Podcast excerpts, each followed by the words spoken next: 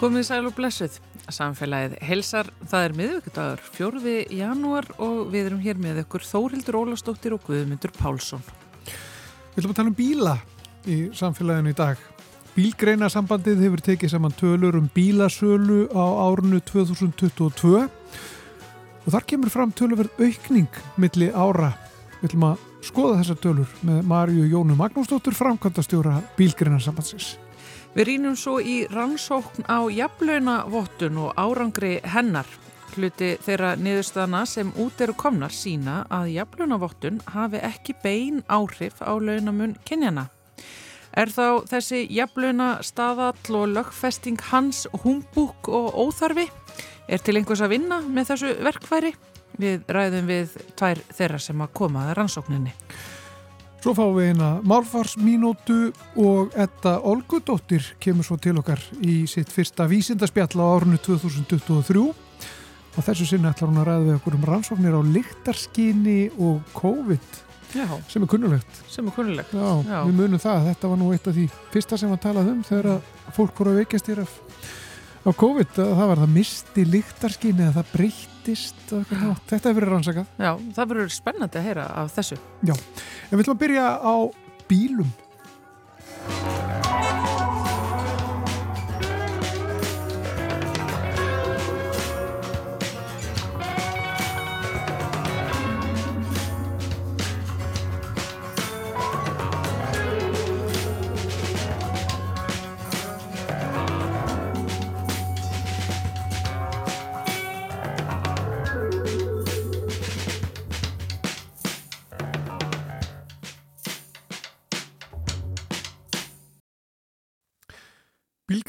Bílgreinasambandið uh, hefur uh, sendt frá sér upplýsingar um bílasölu á árunnu 2022, þar segja sölu á nýjum fólksbílum og uh, já, það má ég lega segja það að aukningin sé bara tölvert mikil milli, milli áruna 2022 og 2021. Hún er sest hérna Marja Jóna Magnúsdóttir sem er framkvæmdastjóri Bílgreinasambandins. Verður velkominn til okkar. Takk hérlega. Er það ekki rétt að það er tölverð aukning uh, milli ára? Jú, við erum að sjá tölverð aukningu í, í sölu á nýjum fólkspilum og reknast honum 30,5% á milli ára og heilda salan á ný skráðum fólkspilum var 16.685 aukutæki í fyrra árið 2022. Já. Og af hverju er þessi miklu aukning? Maður, maður hugsa strax COVID, eh, það er nú svona það sem maður hugsa svo oft þess að dagana sko þegar það er ykkur, ykkur breytingar millir ára. Nákvæmlega. Jú, að sjálfsög eru við að, að sjá sérstaklega kannski aukutækjalegunar eru að auka við sig. Eh, það komir náttúrulega dræm ár uh, þarna í COVID í ferðarþjónustunni og, og nú eru þeir að auka við flótansinn og algjörlega, algjörlega þörf á því að því að ferðamæðurinn hefur tekið vel við sér og komið, en við erum líka bara að sjá hérna, ágæta aukningu í sölu til einstaklinga um 13,4% á milli ára. Þannig að e, árið í fyrra var bara mjög gott bílasölu ár og er eitt af sjö stærstu bílasölu árum frá 1972 ef við reknaðum það aftur í, í þann tíma. Já, einmitt. Það er náttúrulega til tölur svona langt aftur. Já. Já og bílasölu sagfræðin segir okkur hvað þá að sko af hverju eh, er eitthvað sem að e, þetta tímabil á samilegt með öðrum stórum eh, tímabilum í bílasölu?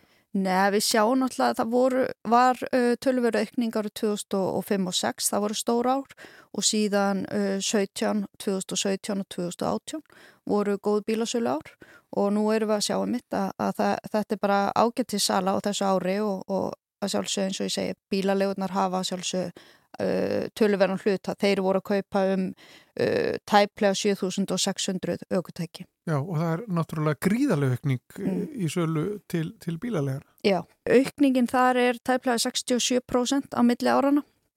Þannig að það hefur, hefur þessi áhrif. Já og það er náttúrulega út af út af COVID eins og við vitum að þá, þá þurftu bílalegunar að draga saman seglin. Jú, það var dreyja saman seglin og þeir lósuðu sig við uh, stórun hlutaflótanum og nú er þeir að endur nýja hann og, og það sem við erum líka að sjá er í rauninni kannski breyting á samsetningunni að þeir eru hérna, að fara í meiri umhverjusvæna, tengil tvinnbíla og, og reyna og minga bensínbíla flótansinn og farið í tengilt finnbíla. Já, og, og er það ekki einmitt uh, svolítið svona uh, línan í bílasölu uh, að, að það er að, að aukast mikið sala á á bílum sem ganga ekki engungu fyrir jarðanælstiti? Jú, ef við horfum að einstaklingana þá sjáum við aukninguna í sölu á rafbílum á milli ára en það er mingun í sölu á tengiltvinnbílum milli ára og það er náttúrulega, álöktunin er náttúrulega drein út frá því að það voru ívilnanir á tengiltvinnbíla uh, ransitt skeið í rauninni byrjun ást 22. Þannig var, hún var ekki í gildi á síðast ári og hefur það, þessi áhrifa að það er aðeins mingunni sölu þar en það var ívilnun á, á sölu á rafbílum og við erum að sjá aukningu á sölu rafbíla til einstaklinga milli árana. Og er það þá, uh, eru það þeir bílar sem, sem flestir kaupa uh, á síðast ári, er það rafbílar? Já, einstaklingar voru að kaupa um 59% tilfella uh, rafbíl. Og það er þá bara reynir afbílar? Það er reynir afbílar. Já. Eh, ívillanir þar, eru það ennþá til staðar? Í, já, það er ennþá til staðar. Það lækkuðu uh, núna samt um áramótin. Uh, fóru úr 1500 og, og 60.000 enni 1340 og, og hérna en einnig er hérna voru vörugjöld sem voru sett á rafbíla, 5% vörugjöld sett á umhverjusvæna bíla og bílgrunnsambandi hefur náttúrulega gaggrínt kannski uh, þessa leið stjórnvalda í hvernig þeir er að breyta uh, þessum vörugjelda struktú þar að segja okkur finnst þeir uh, eða það er minni hlutfalslegu aukning á jarðefna eldsniðis bíla í staði fyrir umhverjusvæna bíla sem að við teljum að skjótinu skökku við í, í ljósi allra lofslags umræðu bæði í, í bara heiminum og hér á Íslandi samkvæmt markmiðum stjórnvalda. Já. Hver eru viðhorf ykkar í, í innan bílgreinasambandsins og, og þeirra sem eru aðelarað ykkar samtökum? Uh, hver eru svona viðhorfin þar gagvart þessari breytingu sem eru að verða og orgu skiptónum? Það er náttúrulega núna síðast, síðastliðin ár hefur verið gríðarleg pressa í rauninu bara bíla framleiðendur að uh, framleiða umhverju svæn aukutæki. Þannig að uh, þeir sem eru hjá okkur í bílgjörnum sambundin eru að sjálfsög undir þetta búnir, uh, þeirra vöru frambóð er að færast í meira umhverju svæna bíla. Við sjáum líka bensin- og díselbílar eru farnir að, að menga töluvert minna heldur en þau gerðu bara fyrir 5 og, og 10 árum síðan. Þannig að þróunin er öll í, í þess átt. Já, en, en sko núna er að seljast, uh, þetta, er, þetta er stórt ár í, í bílasölu 2022, um, með umræðina þá skildur maður ætla sko að það væri að seljast samt bara færri aukutæki, mm. einhvern veginn, að, að það væri svona, mm, trendið í samfélaginu væri svolítið að fækka, fækka bílum og enga bílinn svona væri svolítið settu til hliðar og almenningssamgöngur væri meira notaður og fólk væri meira svona á ferðinni kannski hjóland og gangandi mm -hmm. og svo mhm. framvegis. Er það ekki tilfellið? Nei, við, við, við erum náttúrulega, uh, okkur er að fjölga líka. Þannig að það hefur náttúrulega líka áhrif. Þannig að hérna, við, erum að, við erum að kaupa, kaupa bíl og við erum líka endur nýja. Uh, bílaflótin okkar er rúmlega tíu ára gammal að meðalaldri. Þannig að það er líka bara þessi þörf fyrir endur nýjun sem á sér stað. En nú heyrum við það einmitt úr, úr ykkar átt svolítið oft þetta einmitt sko að, að bílaflótin þarnist endur nýjunar mm. og hann sé orðið svolítið gammal mm. um, er það, leiðréttist það einhvern veginn ykkur tíman eða er bílaflótin bara meðaltalir yfirleitt aldrei gammal? Já, hann hefur haldist hjá okkur í, í, svona, í kringum þessi tíu ár og hérna, en það sem við erum kannski líka bend á er að, að það hefur orðið gríðarlega þróun í öryggisbúnaði og aukutækjum og það er mjög mikilvægt að við fáum þau aukutæki líka inn á göttuna uh, sem eru með uh, þessum nýja öryggisbúnaði uh, og losum þá frekar aðra önnur aukutæki, eldri aukutæki mm -hmm. af holmi. Já, en, en þessi, það sem að fylgir núna þessum eh, orkuskiptum og þessari breytingu það eru önnur aukutæki taka við, það eru rafbílarnir og það eru eh, tvinnbílarnir eins og þú ert búin að nefna um, þeir bílar sem eru í þokkalögu standi og eru á göttunum, hvað verður um þá? Eru þeir ennþá eh, í umferð eða, og þetta er þá bara viðbót eða hvað þessir, þessir um, rafbílarnir og tvinnbílarnir? Já, við í uh, aukotæki í umferð í lokars 2022 uh, voru já, tæplega 290.000, 287.000 og eitthvað og það er aðeins aukning á milli ára, ég, er ekki alveg með nákvæma tölu en mm. jú, það er aðeins aukning á milli ára. Já, þetta eru margi bílar. Þetta eru margi bílar. Já. Eh, hvað með innviði, ef við tölum um sko, áfram um rafbílana, hvernig, hvernig stöndum okkur í að byggja upp innviði og þá ef við tölum til dæmis um, um bílalegu bílana, mm. um, ferðamenn sem eru að koma hingað og vilja kannski ferðast á umhverjusvetni hátt, hvert stöndum við þegar kemur að innviðum og uppbyggingu þeirra? Já, við verðum að, að kannski aðeins að fara auka í þar og við sjáum það að hérna, uh, þetta er setur á einn strík í reikninganum að bílalögu geti farið 100% ramagsbíla. Þeir eru auka við mitt uh, kaup á tengiltvinnbílum en uh, þeir eru í rauninni Já, bæði árið 2021 og 2022 voruð með 7,8% af flótanum í, í rafbílum, í rauninni sama hlutfall millir árana en þeir auka í tengiltunbílum. Það þarf að auka innviði og sérilagi út á landi uh, vegna þess að ferðamæðurinn hann er náttúrulega bara að keira ringin og, og hann getur í sumun tilfellum náttúrulega uh, tengt bílinn þegar hann stoppar á hótelu með öðru en hann vill ekki þurfa að stoppa kannski lengi yfir miðjum dag, hann er á ferðalagi og vill ekki vera eins háður því hvert hann er að fara, hvað það varðar. En við verðum að fara að taka okkur aðeins á þarna og ég sáu mitt hérna rannsók sem kom uh, norska ríkisútvarpið uh, var að uh, sína núna bara millir jól og nýjárs eða fóri yfir millir jól og nýjárs að þar uh, kemur fram og að næsti bíl sem normenn higgja á að kaupa uh, verði jarðefna eldsnendis bíl í uh, tæplega 50% tilfella. Þannig að þeir eru að hugsa um í rauninni þeir eru komin tölvöld meira framar en við í rafbílum og innviðir eru betri en eh, þeir segja það, ívillanir eru að fara að lækka á rafbíla og innviðirnir eru ekki komið nægilega langt. Þannig að þeir eru svona að hugsa með næsta bíl, gæti hugsalega verið jarðefnælsnandi spil, sérstaklega þú ert að fara á ferðalag og, og, og, og slíkt.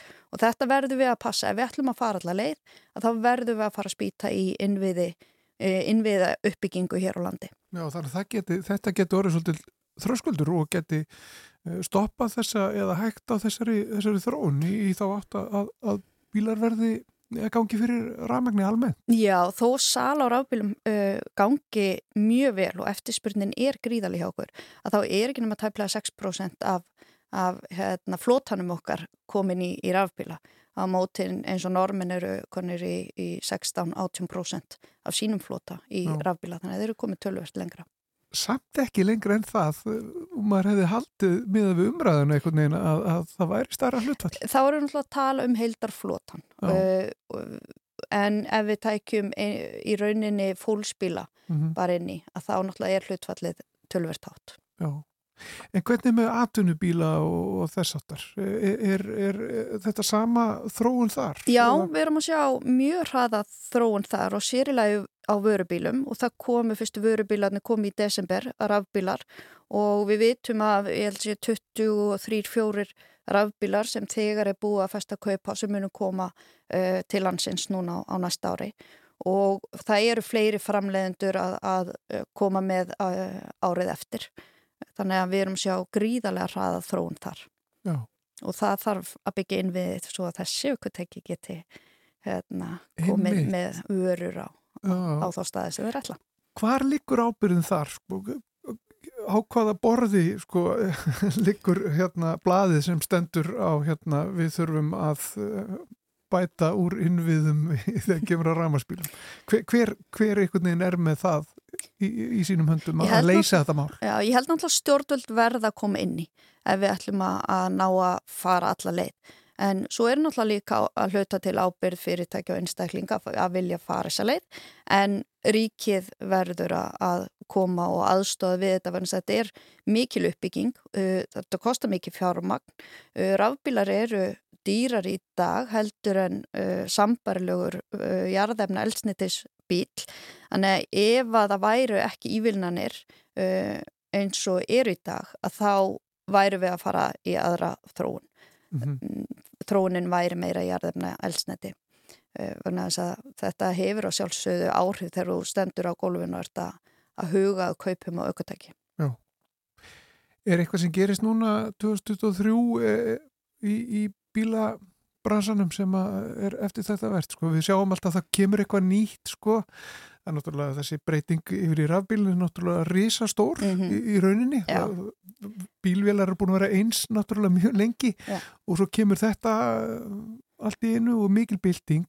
Við sjáum alltaf líka svona litla hluti sko eins og bara eitthvað hérna glertoppur á bílunum og það eru bakmyndavilar einhvern veginn og það er allir þessi hlutir og myndavilar allar hringin og er eitthvað nýtt núna? Er, eitthvað, er þetta eins og hérna hausttískan og vetratískan? Og... Þeir eru náttúrulega alltaf að þróa, þróa nýjar, nýjar leiðir og, og sérstaklega hvað varðar hérna, öryggi aukutækjum þannig að þetta er bara stöðu þróun hjá hannum og eins og segir, ég held að það séu fáar greinar sem hafa farið í gegnum jafnmikla breytingu á, á skömmum tíma eins og bílgreinin.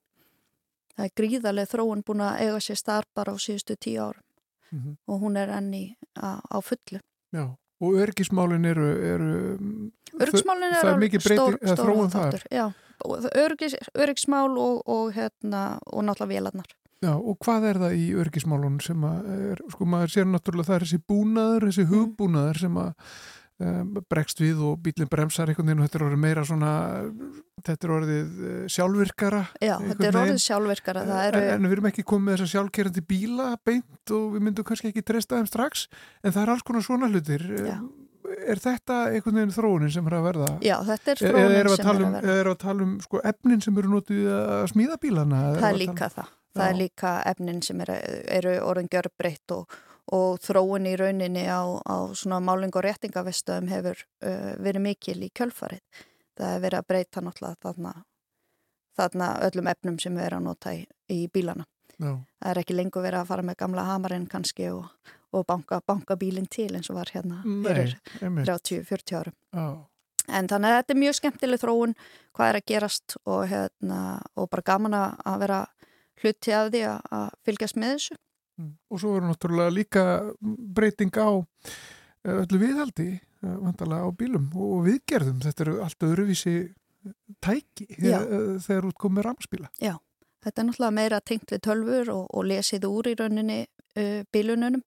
Um, þannig að þetta er, já, við sjáum það, ég menna, nám í bílgreinum þarf að, að breytast í kjölfarið og, og þar er verið, hér á landi er verið að breyta námskrám og öðru bara til að, að breyðast við þessum breytingum. Já, við erum þetta. Mm. Við skulum ljúka þessu svona, Marja Jóna Magnúsdóttir, framkvæmtastjóri Bílgereina sambandsins. Takk fyrir komuna eh, takk fyrir. Í, í samfélagið takk. og takk fyrir að, að segja okkur frá hvernig þróunin er að verða í, í Bílgereinum. Ég ætla mér út að halda.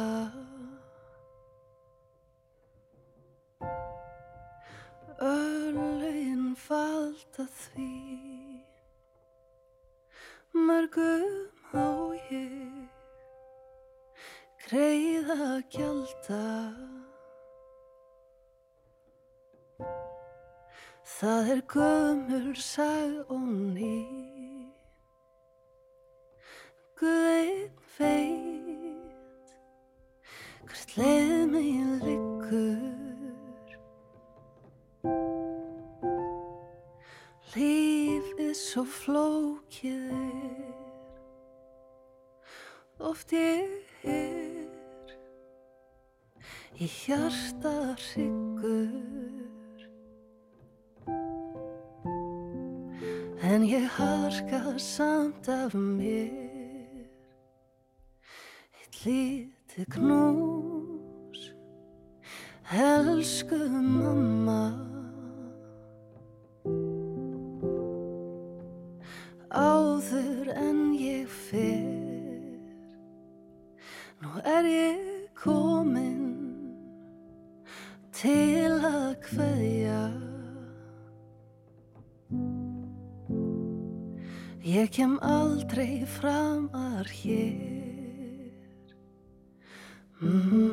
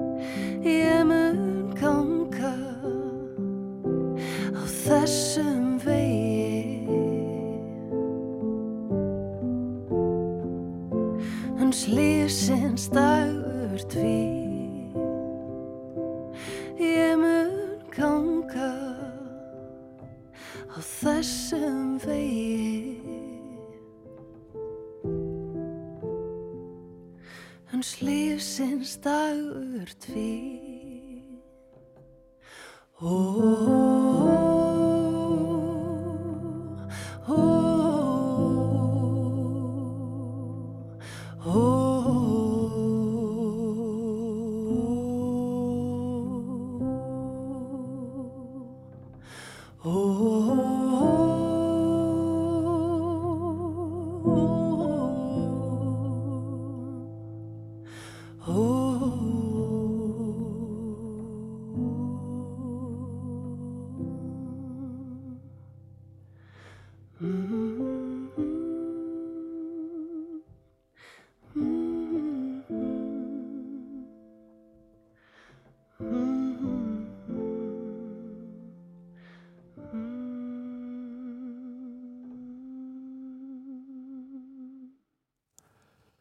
Þetta voru GTRN og Magnús Jóhann lagablötunni tíu íslensk sönglög og þetta er lag sem að uh, Hjálmar uh, fluttu á sínum tíma lag eftir feðgana Þorstein Einarsson og Einar Georg Einarsson. Hjá mér sitja Ragnar Kemp Haraldsdóttir, lektor í upplýsingafræði og Guðbjörg Andrea Jónsdóttir, forstöðumæður félagsvísenda stofnunar. Þær eru tvær af þremur í rannsóknarteimi sem skoða hvort og hvernig jafnlauna staðall, jafnlauna vottun hafi skilað árangri. Sælar veriði báða tvær. Sælblessi. Sko áður en við rínum í rannsóknina ykkar, eh, skulum við rifja upp aðeins með hlustendum bara hvað í því þegar þessi svo kallega jafnlauna staðall var eh, lögleitur þarna fyrir hvað, sex árum? Já, um, ef ég kannski byrja bara þá hérna, í rauninni jafnlunastallin er eldri en það. Jafnlunastallin verður til 2012 eftir uh, mikla vinnu, uh, fjölmar graðala og á þeim tímapunkti er þetta valkvæður staðall. Það er að segja að þetta er staðall sem að fyrirtæki og stofnanir geta valið að innleiða og var þá í rauninni svona litið á sem ákveðið svona rósínappagatið, uh, það sem að fyrirtæki sem höfðu mikið metnað fyrir jafnbreyttismálum gáttu farið í gegnum þetta ferli og fengið vottun á uh, launasamsetningu. Síðan uh, þarna um, á 2017 fer það, fer, er samþygt á þingi að, að gera hann sagt, lögfesta þannan staðal þannig að, að þá er fyrirtækjum og stofnunum gert skilt að innlega staðalinn og það auðvitað urðu svona ákveðnar uh, umræður um það og voru ekki allir sammúla um gagsemina af því. En uh, þá er handi hérna ráð þeirra, hann vildi í rauninni með þessu íta þessu, þessu ferli svona svolítið hraðar af stað og í rauninni tryggja það að, að íslenskar stopnanir og fyrirtæki hérna færi gegnum þessa launavottun og, og þar byrjaði svona leikurinn. Já. Já, og þetta voru hugsað fyrir fyrirtæki sem voru með minnst kosti 25 starfsmenn og, og stærri fyrirtæki og í þessari vottun fælst í rauninni ekki endilega það sé búið að útrýma öllum launamun kynjana, heldur fælst í þessu fyrst og fremst að það er búið innlega ákveði kerfið, ákveði verklag til þess að skoða launamunin mm. og reyna að vinna að því að, að gera það þannig að karlar og konur og öll kyn reyndar e, fái jafn mikið greitt fyrir jafnverðmættstörf þannig að likil þáttur í e, jafnlunavottunni, einleðingunni á staðlinum er að fara í ákveði mat á virði starfa og það er kannski svolítið það sem er aldrei flókið í þessum staðli að það þarf að taka öll störf innan stofnunar eða fyrirtækis og meta virðið þeirra. Já.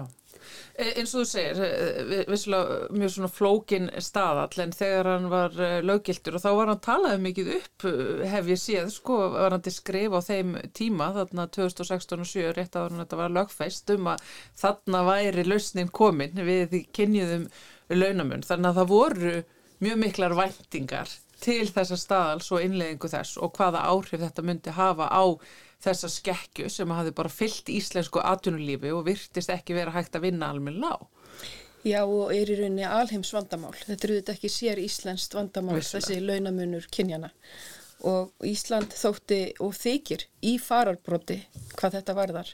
Það þarf þetta ákveði hugrekki og ákveðin eldmót til þess að koma þessi gegn og, og sumur vilja meina að það hefur verið farið og frætt á stað og og undirbúningurinn hafi ekki verið nægur og það hefði mótt gera þetta einhvern veginn öðruvísi en í rauninni eru líka fjölmarkir fræðmenn sem að sjá það að þetta er samt sem áður eina og í raun besta verkfærið sem við höfum til þess að komast eitthvað áleiðis mm. í þessum, í, á þessum vettvangi því að, því að þetta er ekki eitthvað sem gerist á einni nóttu. Sko þá að einmitt eh, rannsókninni ykkar eh, þeir eru náttúrulega að skoða þetta, hvernig þetta hefur gengið og hverju þetta hefur skilað og þetta er langtíma rannsókn og, og er enþá í fullum gangi en, en er strax farin að skila einhverjum niðurstöðum? Já, í þessari grein sem við vorum að byrta núna í, í desember þá erum við fyrst og fremst að skoða viðhor vottuna aðala til staðalsins og, og, og hvernig fyrirtæki og stofnunni séu innlega staðalinn og við erum líka að greina launamunin hjá þeim fyrirtækjum og stofnunum með skipilags heildum eins og við kallum stundum sem að hafa fengið vottun og bera saman við breytingu á launamun kynjana hjá þeim sem ekki hafa farið í gegnum vottunaferlið. Og í þessu erum við að skoða launamun kynjana frá árinu 2012 og, og notum til þess launaransókn hagstofunar og erum með þetta tæplega 200 skiplagsheildir og skiptuðum upp í það sem að hafa fengið vottun og það sem ekki hafa fengið hana. Og við sjáum það að það hefur dreyið nokkuð úr launamun kynjana frá árinu 2012 til 2020 svona um, um það byrja 8% stíða jafnaði En það er hins vegar mjög lítill munur á þessari þróun hjá þeim sem að hafa farið í gegnum vottun og þeim sem ekki hafa gert það. Og það er kannski það sem að, að fólki bregðu kannski svolítið við að sjá. Já, ég verði eiginlega að segja að það er náttúrulega alltaf svona stóra málið í þeim niðurstöðum sem eru nú þegar konar fram að það er bara einfallega hægt að nánast fá þóttur að, að þessi jafluna stöðul og þessi vottun sé bara humbúk.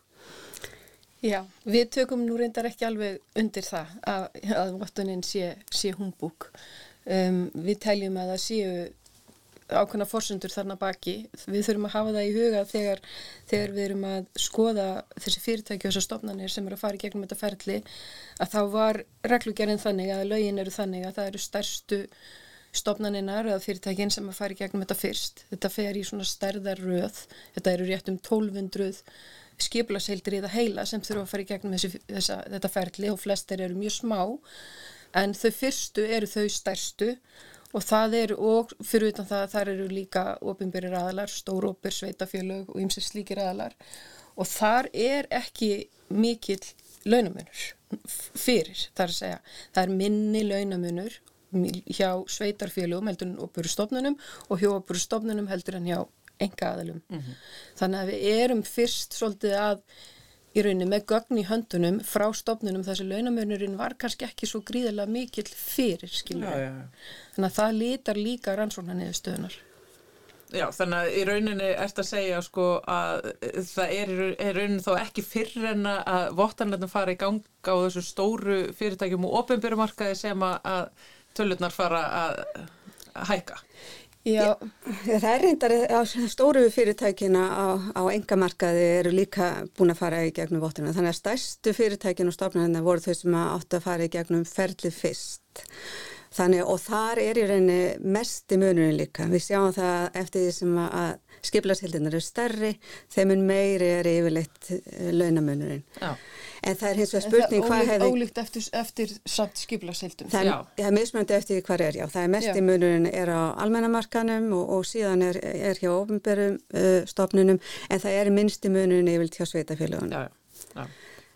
En sko, aftur, uh, er þetta ekki líka sína fram á? Af því að það var nú alveg tekið, þessi stað alveg tekin inn löglettur með ærnum tilkostnaði og þetta búið að vera mikil vinna og mikil eftirfylgni og þá tala fyrir þessu að það var kannski endilega ekkert neinn þörf á hennum að markaðurinn myndi hvað, nánast svona leiri þetta sér sjálfur þá?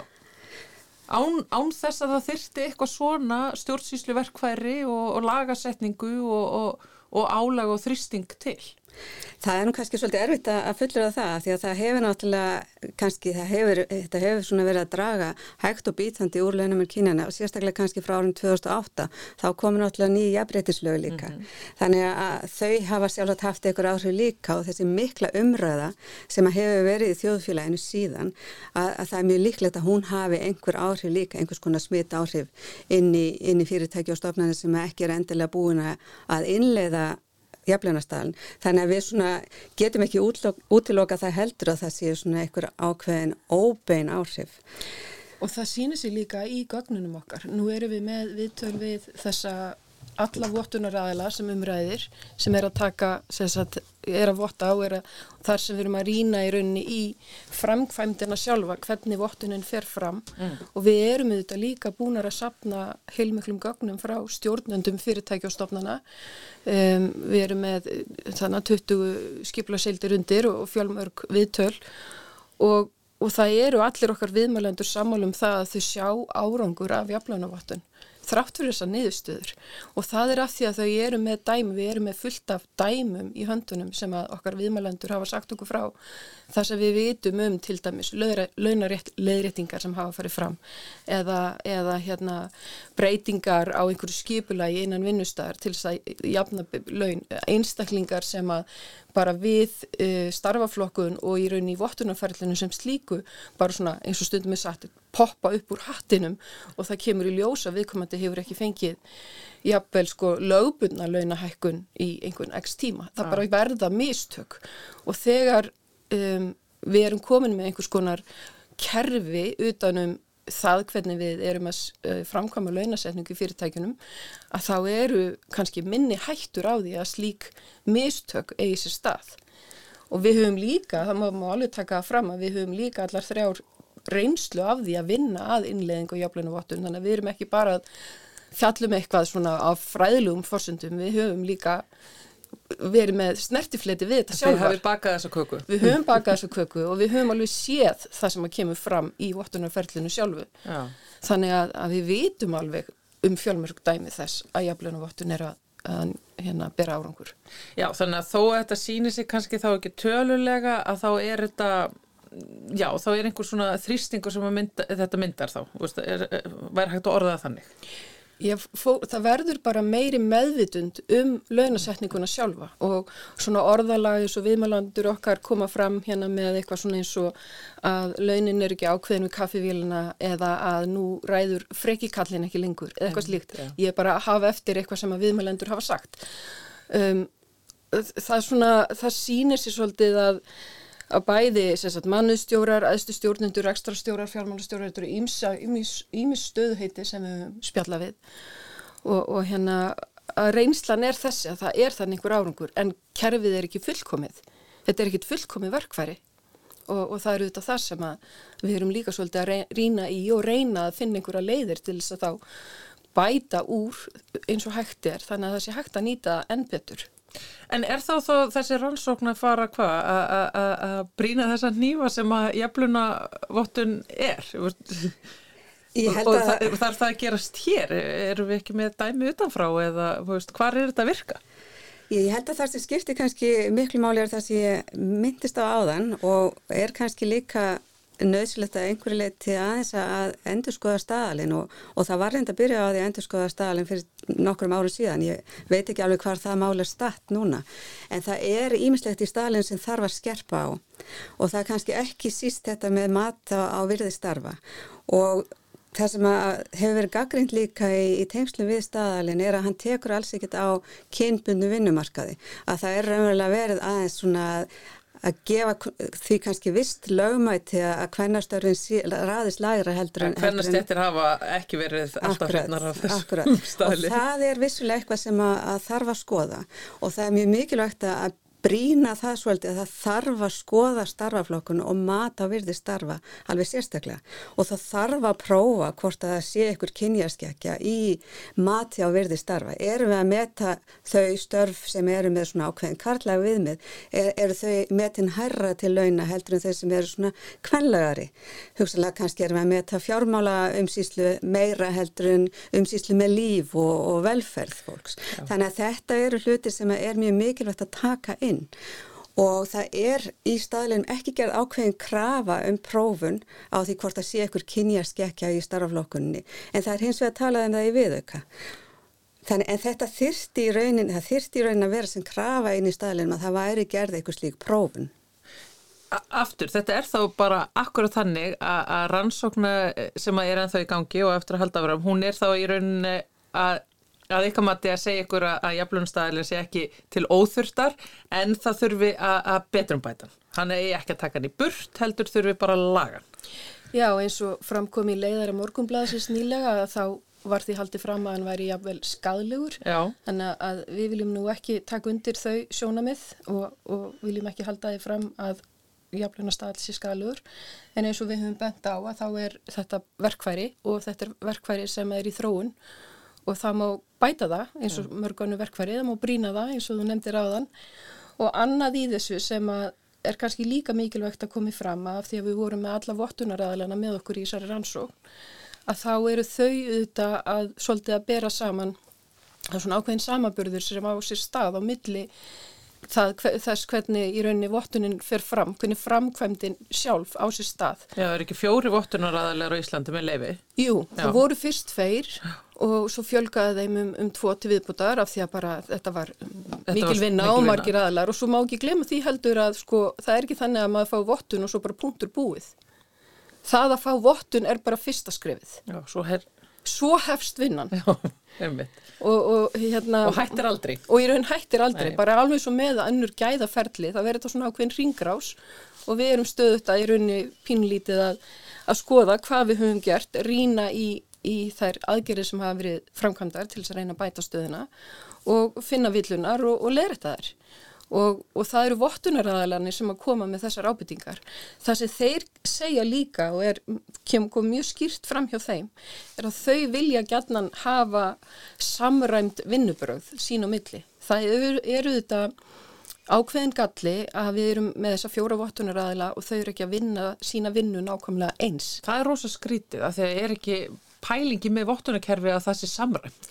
Í grunninn eru gæðastælar til þess að samræma, já. já en, en þau hafa enga, engan ramma, þau hafa enga sko reglugerðin sem um varðar þeirra starf, laugin og staðallin sjálfur, þau í rauninni setja þeim enga ramma um það það er hvað á að gera en ekki hvernig á að gera. Já, þannig að laugin komi hugmynd en ekki útfærða.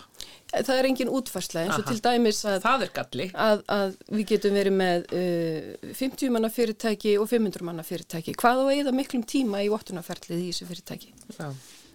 Uh, við erum með uh, fyrirtæki með hérna 50 starfseiti eða 500 starfseiti. Hvað er það mörgum tíma klukkstundum í slíka vottun? Það, það eru svona samræmingaratriði sem að vantar svolítið til þess og það eru í rauninni vottunaræðalegni sjálfur sem benda á þessa galla og vilja gætnan einmitt til þess að tryggja gæði vottunarinnar og samræmingar í vottunaræðalum, vottunum fyrirtækja óháð vottunaræðala að, að hérna þá ekki að hann fá einhverja, einhverja lefningar. Já. Sko, Ragnar og Guðbjörg, það eru náttúrulega, já, samkvæmt tölur sem voru teknað saman núna um áramótin, hvað, hátti 450 fyrirtækjastofnanir sem hafa hlotið jafnluna vottun, samkvæmt uh, tölur sem ég fann hjá jafnbrettistofu. Mm -hmm. uh, þarna baki eru þúsundir starfsmanna. Skilur aftur, skilur þessir rannsóknar niðurstaða ykkar sem að hefur komið fram hinga til, ekki þessi fyrirtæki sem hafa fengið vottun og starfsfólkið, kannski sérstaklega konurnar, eða innan þessara fyrirtækjastofnana eftir í daldur svona lausu lofti af því að, að, því að þetta starfsfólk hefur kannski talið sig vera í, í vari fyrir ójabrætti og kynniðun launamun ymmit vegna þessa að, að þau hafa farið í gegnum jaflunavotun. Veit ekki hvort það skilja kannski beint eftir í lausu lofti en auðvitað vekur það upp ákveðna áhyggjur að sjáast ekki meiri, að það dræði, dræði ekki meira úrleina með kynjana en það er allavega rétt að benda á að þarna er allavega komið farvegur og leið fyrir þá konur eða aðra sem að hafa áhyggjur af sínu launum til þess að gera aðtöðsendir að það er í rauninni það sem að að kerfið er í rauninni gerir ráð fyrir þetta jafnleina kerfið sem er verið einlega að það er búið að búa til farveg fyrir fólk til að gera aðtjóðsemtir við sín laun og fá útskýringar það á því af hverju það er að fá lagra heldur en það telur að, að, það, að það sé eigi að fá eða, eða aðrir í, í sömu skiplagsheilt Já. þannig að ég held að það getur Við erum ekki missa trúna Við erum ekki missa trúna, nei, nei. Uh, Rannsóknin heldur áfram Hvenar uh, ætlið að skilinni af ykkur? Hvað, uh, og, og eins og ég segi, hafið þið trú á því að það sem að þið skilið af ykkur verði til þess að lagfara já, þetta verkvari og þá líka kannski þessa lag, lagasetningu?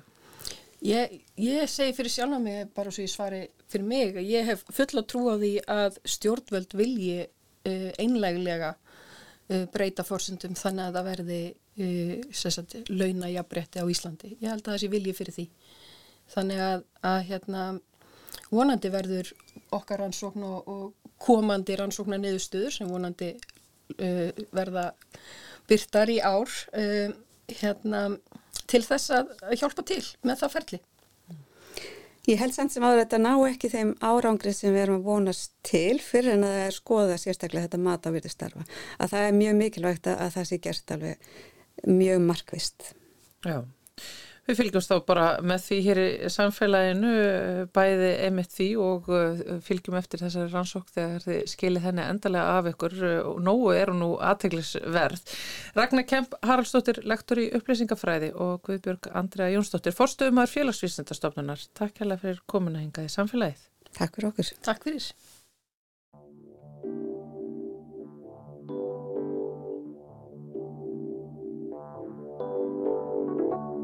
Don't go changing to try and please me. You never let me down before. Mm-hmm. Don't imagine you're too familiar, and I don't see you anymore.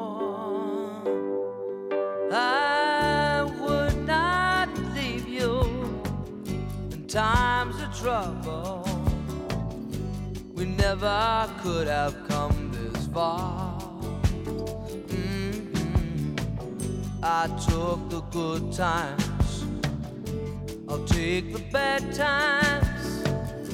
I take you just the way you are.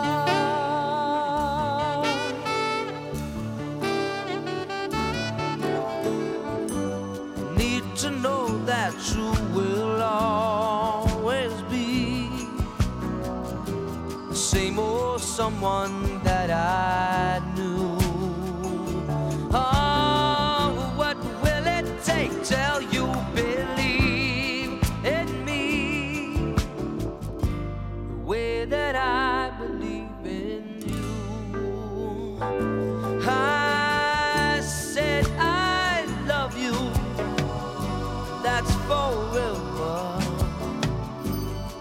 I promise from the heart. Mm-hmm. I couldn't love you any better. I love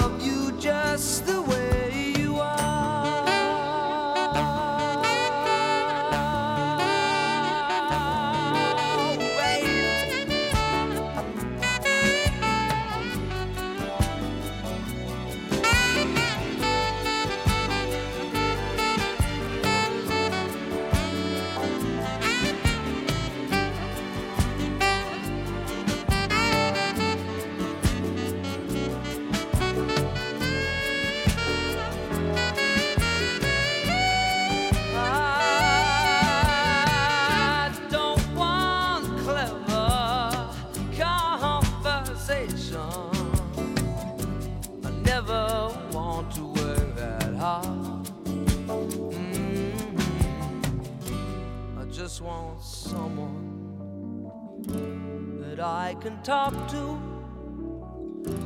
I want you just the way you are.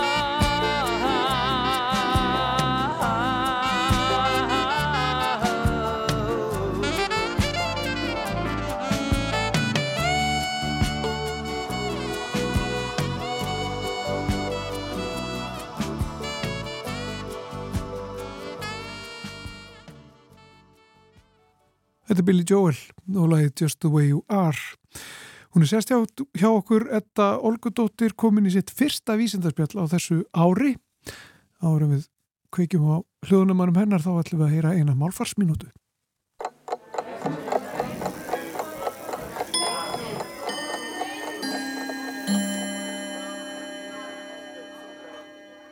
Öll lifandi tungumál eru virkur hluti af lifandi samfélögum.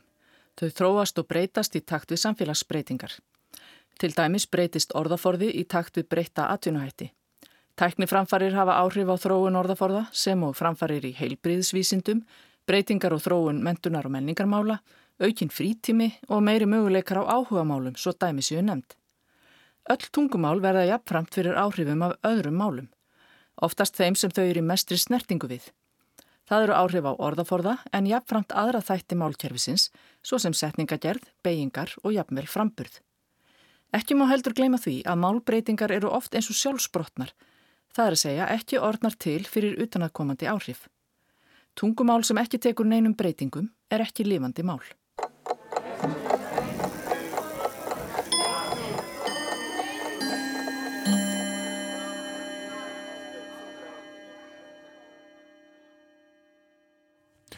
Það var Anna Sigriður Þráinsdóttir sem að flutt okkur þarna málfarsminútu. En þá komum við vísendarspjallinu með ettu okkar Olgudóttur sem er eh, á eh, tala um gamla tíma sem að engin mann lengur eftir, COVID. Kemur, kemur í fyrsta þátt nýs árs með drauga fortíðar um, þar síðast árs. Já, nákvæmlega, ég veit ekki hvað ég var að hugsa. En verður hjartalega velkomin og gaman Já. að fá þig Takk fyrir, ég, hérna, kannski verður þetta ekkit leiðilegt þó þetta sé svona gammalt umræðefni sko. Samfarið um það En það sem að mér langaði að ræða um er hérna Uh, hvaða áhrif það hefur á lyktarskinnið að fá COVID mm. vegna þess að hérna í upphafi þegar COVID var að byrja þá var þetta að missa lyktar og bræðskinnið þá var það talið bara uh, nummer eitt eða tvö á lista sko yfir, yfir einkenni COVID mm. og hérna þannig að það fyrsta sem þú ættir að tekka á var hérna finnur þú lykt og svo ertu með beinverki þannig að þetta mm -hmm. er mhm. hérna mjög svona afgerandi einkenni þessa sjúkdóms og margir kannast við að hafa mist lyktarskinnið eða bræðskinnið í hérna, veikindunum og svo það sem að hefur svo gerst er að hérna, lyktarskinnið er ekki að koma tilbaka og það er á ekki við um alla en ákveð hlutfall af fólki er að upplifa þessi eftir ákvöst af veikindunum þar sem að meðal annars lyktarskinnið er ekki að koma tilbaka og þú líka önnur enginni eins og hérna, síþreita og að fólk er bara andstutt og ímislegt annað. Og þetta hefur ekki beint verið útskýrt hvers vegna þetta gerist og margir kannast kannski alveg við að hérna, missa lyktar og bræðskinn þegar þeir verða lasnir. Og þá er ég ekki að meina bara vegna þess að maður er með stípla nef og getur ekki anda með því heldur að það hverfur einhvern veginn þessi skinnjun bara í hérna, hefbundinni kvefpest eða influensu en svo kemur það alltaf tilbaka. Þannig að þetta virðist vera um, eitthvað sem er mjög sértækt fyrir þessa veiru og til þess að skoða þetta þá hafa verið gerðar alls konar rannsóknir. Til dæmis hérna hafa verið tekin sko lífsíni við krupningu hjá fólki sem að lést úr sjúkdómnum. Og svo hafa líka verið gerðar hérna rannsóknir á frumulínum og uh, á dýramótilum þar sem er verið að skoða svona hvaða áhrif hérna veiran er að hafa á þessa vefi. Og svo núna bara rétt fyrir jól að þá byrtist grein sem var unnin við hérna Harvard og University of California sem að þau lögðu saman krafta sína og voru að taka sagt, eh, lífsíni úr fólki sem að hafði fengið COVID og fann ekki lengur lykt og þau eru semast með þarna 24 einstaklinga og af þeim eru nýju sem að mistu lyktarskinnið eftir að hafa hérna, fengið COVID og svo er hluti þarna sem að hafi, hafi ekki mist lyktarskinnið og líka hluti sem að hafi ekki fengið COVID staðfest. Þannig að það verið að bera saman e, vefina úr þessu fólki og hvernig þeir eru mismunandi.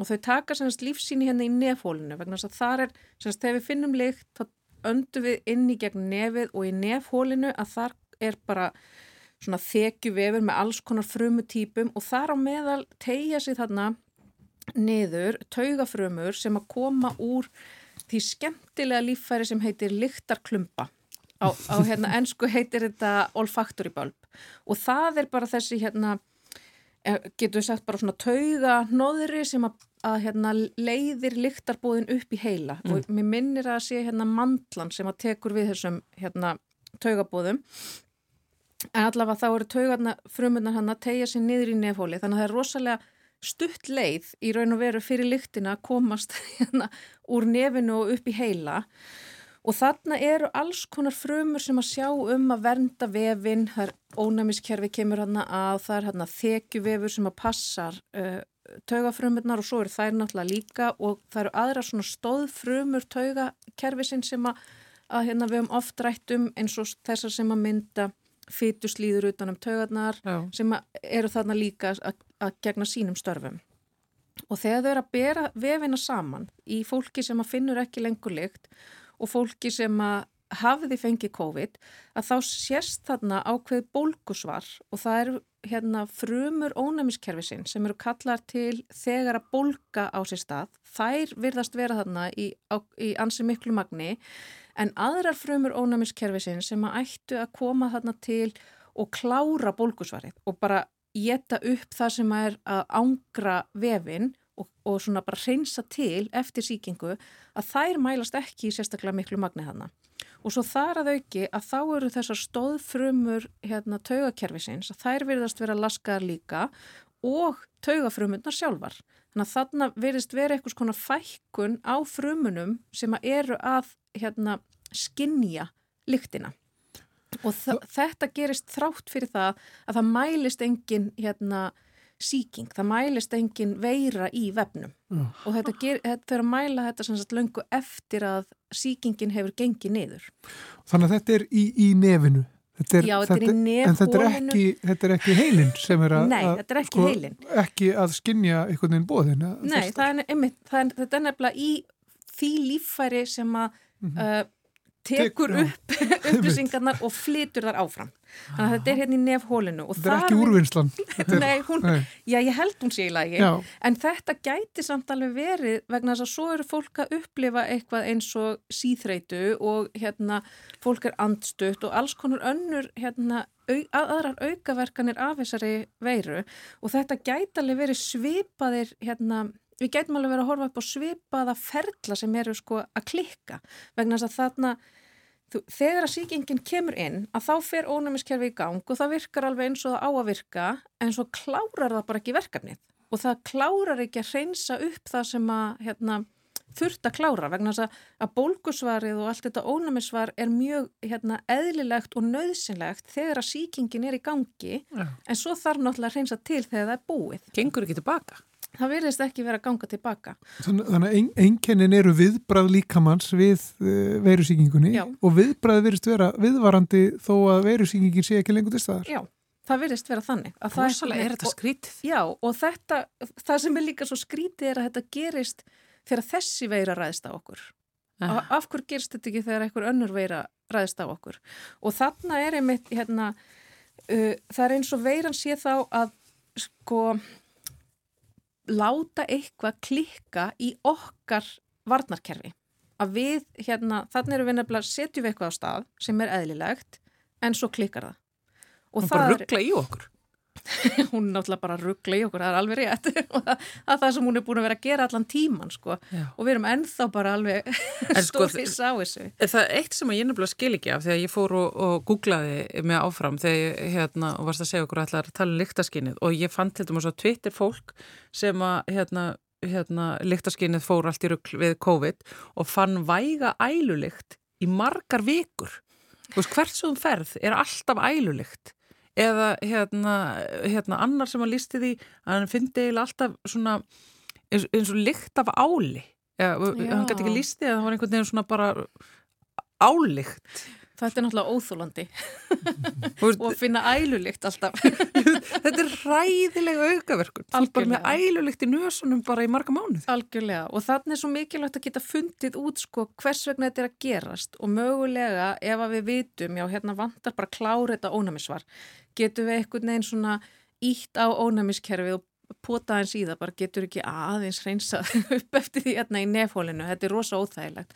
Vegna þess að það eru líka hérna í nefhólinu það sem við höfum oft talað um áður þessar vefja sérhæfðu stoppfrömmur sem að myndi þá sko virkja vefin upp og nýtt og þetta ætti alveg að geta gengið tilbaka mm. ef að við náum að hreinsa þetta upp. En við þurfum náttúrulega kannski aðeins að skilja betur hvers vegna hvers vegna hérna ónæmiskerfið klárar ekki, ákur eru við ekki að klára þetta bólkusvar og svo væri líka bara mjög áhugavert að sjá hvort að við sjáum þetta annars það líka. Eins og til dæmis í hérna lungum, vegna þess að fólk er að finna fyrir því að það á erfitt með að það hefur ekki sama þól og áður og getur ekki lappað upp stíga eða hlaupið eða hvaða var sem það gætt gert. Hvort að við séum þá bara ennþá með bólkusvar eitthvað staðar í hérna í þeim vef, í öndunafærunum sem að er bara ekki að ná að klára að losa sig. En sko aftur, uh, þetta virðast eins og er ekki skil alltaf sömu lyktinni, þannig að sko þýðir það þá ekki líka að þetta geti ummitt e, líka verið að skila mismunandi útgáfum af lúna þempu og því öllu? Jú, alveg örglega sko og það er náttúrulega ótrúlega fyrðulegt að finna alltaf ælulegt og líka mjög fyrðulegt sko að það séu fleirin einn sem að segjast finna það því þá get, veist, erum við þá að hafa áhrif á þær frumur sem að hérna, skinnja ælulikt og þær Já. eru einhvern veginn að örfast við eitthvað sem er ekki til staðar En svo er kannski fólki sem að finna blómaliktin ekkert að tvítu það Nei, hefur ekki yfir neina kvarta. Nei. Eða nýbakaða smákökur. Já, bara lifa í heimi nýbakaða smákökur. Ég veit það. Já, stundum er best að halda því bara fyrir sig. Já, já. Einmitt. Edda Olgadóttir, eh, takk fyrir komuna í, í samfélagið. Og COVID er náttúrulega eitthvað sem verður rannsakað sko, það er á svo mörgum sviðum já. næstu árin, það er allar þessar rannsaknur og svo bara samfélagslegu rannsaknar allar og, þannig að við myndum tala um COVID bara fáum ekki að gleyma því bráð. Nei, því miður. En gæra þakki fyrir komuna, Edda Olgadóttir og takk fyrir að hlusta. Eh, ágætu hlustendur rásar eitt, eh, samfélagi verður ekki lengra í dag. Þórildur Ólistóttur og Guðmundur Pálsson, hvaðja? Verið sæl.